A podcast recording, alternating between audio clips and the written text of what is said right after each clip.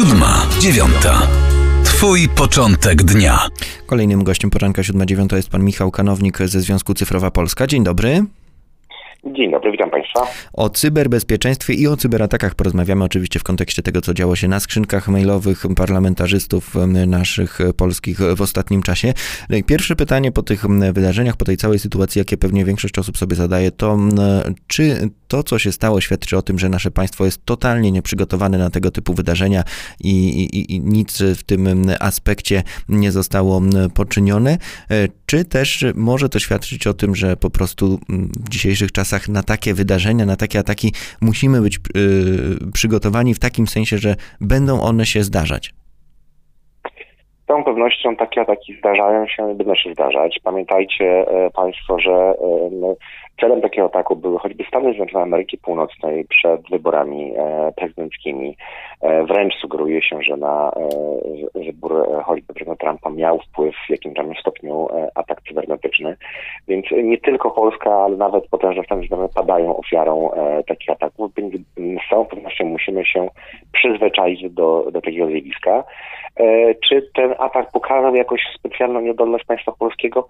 Nie. On oczywiście e, wykazał pewne mankamenty, problemy, błędy, które są e, czynione, ale bardziej błędy, wydaje mi się, osobowe i, e, i ludzkie niż, niż instytucjonalne. Pamiętajmy, że najsłabszym ogniwem każdego systemu, każdej sieci telekomunikacyjnej jest człowiek. I tutaj wykorzystano słabość po prostu dokładnie, dokładnie pojedynczych osób, które nie do końca w przestany sposób zabezpieczały swoje, swoje skrzynki mailowe. Czyli można powiedzieć jednym słowem, procedury są dobre i e, po prostu człowiek musi je odpowiednio wypełniać. O tej profilaktyce jeszcze może uda nam się porozmawiać. Natomiast teraz chciałem zapytać, kto dokonuje tych ataków? Kim są osoby czy, czy, czy też instytucje, które stoją po drugiej stronie?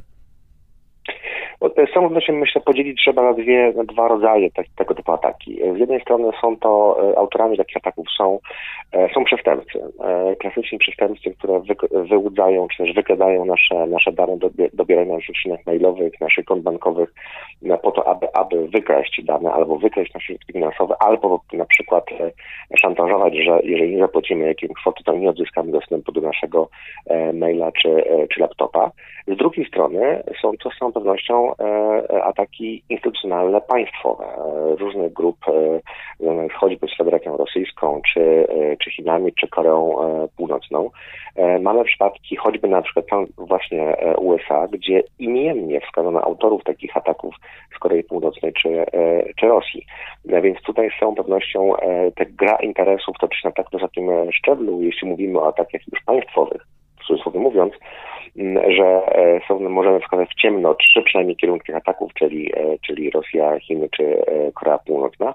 Natomiast tak naprawdę w ataku cybernetycznym właściwie każde państwo może sobie pozwolić na sfinansowanie takiego ataku poprzez wynajęcie odpowiednich hakerów i możemy sobie wyobrazić wiele państw tak zwanych wrogich czy problematycznych dla opinii światowej, które z całą pewnością pracę nad takimi cyberatakami I pamiętajmy też, że w konsekwencji e, popularności i łatwości takiego ataku cybernetycznego z całą pewnością wcześniej czy później zainteresują się taką formą atakowania również grupy terrorystyczne.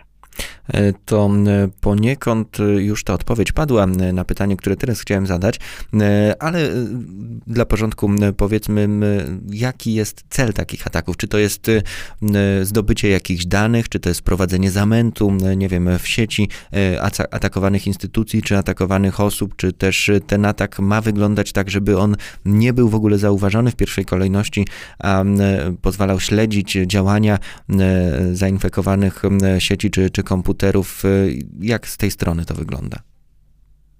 Z całą pewnością e, cele, ty, takich celów e, może być kilka e, różnego rodzaju, zależy od tego, kto atakuje. Z całą pewnością po pierwsze mogą być takie, które nie widzimy ich efektów.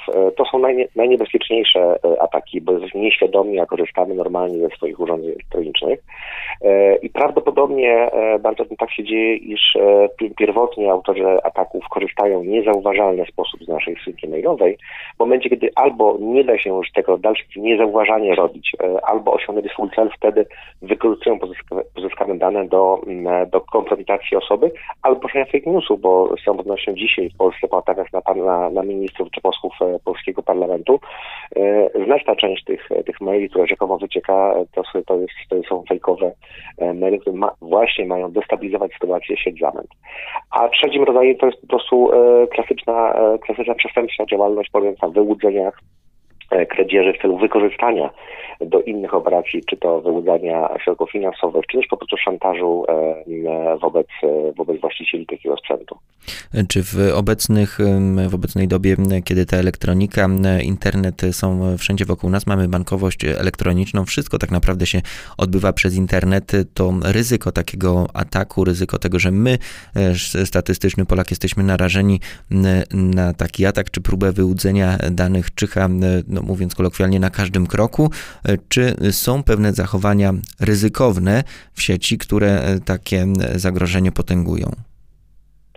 Całą pewnością każdy jest narażony i wielokrotnie, pewnie nieświadomie, e, przynajmniej próbowano zaatakować nas cyfrowo.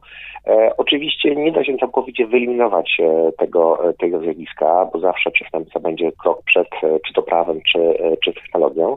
Mm, ale z całą pewnością jest parę takich elementarnych higieny e, internetowej, higieny cyfrowej, którą należy stosować, żeby zminimalizować ryzyko albo utrudnić maksymalnie E, to, co powinno są robić, czyli na przykład, jeśli chodzi o skrzynkę mailową, zmiana haseł co jakiś czas, ale przede wszystkim dwustopniowa weryfikacja swojej tożsamości w przypadku hasła konta e, mailowego, e, unikanie publicznych, nieznanych tam sieci Wi-Fi, czy też już element, absolutnie elementarz, nie klikanie, nigdy nie klikanie w żadne podejrzane, nieznane nam wiadomości, czy też linki, które dostaną nas nawet znajomi, ale odbiegają od normy. E, czyli jeżeli dostajemy nagle znajomego, który do tej pory nam odzywał się przy okazji świąt, wysyłając życzenia wielkanocne, a nagle on wysyła linka e, do jakiegoś artykułu, że podobno jest to nasze zdjęcie, no to, to elementarz mówi, nie, nie klikam, usuwam tą wiadomość i po prostu i, i najlepiej poinformować go, na tego znajomego, że rozsyła, e, rozsyła tego typu linki, bo pewnie robi to nieświadomie zupełnie ktoś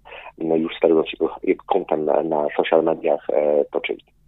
To jeszcze na koniec pytanie o pewne no, praktyczne doświadczenia i, i, jak to wszystko wygląda w rzeczywistości. Czy spustoszenie, które się dzieje po takich atakach, czy, czy wyłudzeniach danych, czy, czy też e, pieniędzy kont bankowych poprzez internet, czy to wszystko jest do odwrócenia, e, tak mówiąc już prostym językiem. Na ile udaje się później faktycznie odzyskać te e, zgubione czy skradzione środki, na ile udaje się z tym wszystkim później zrobić porządek?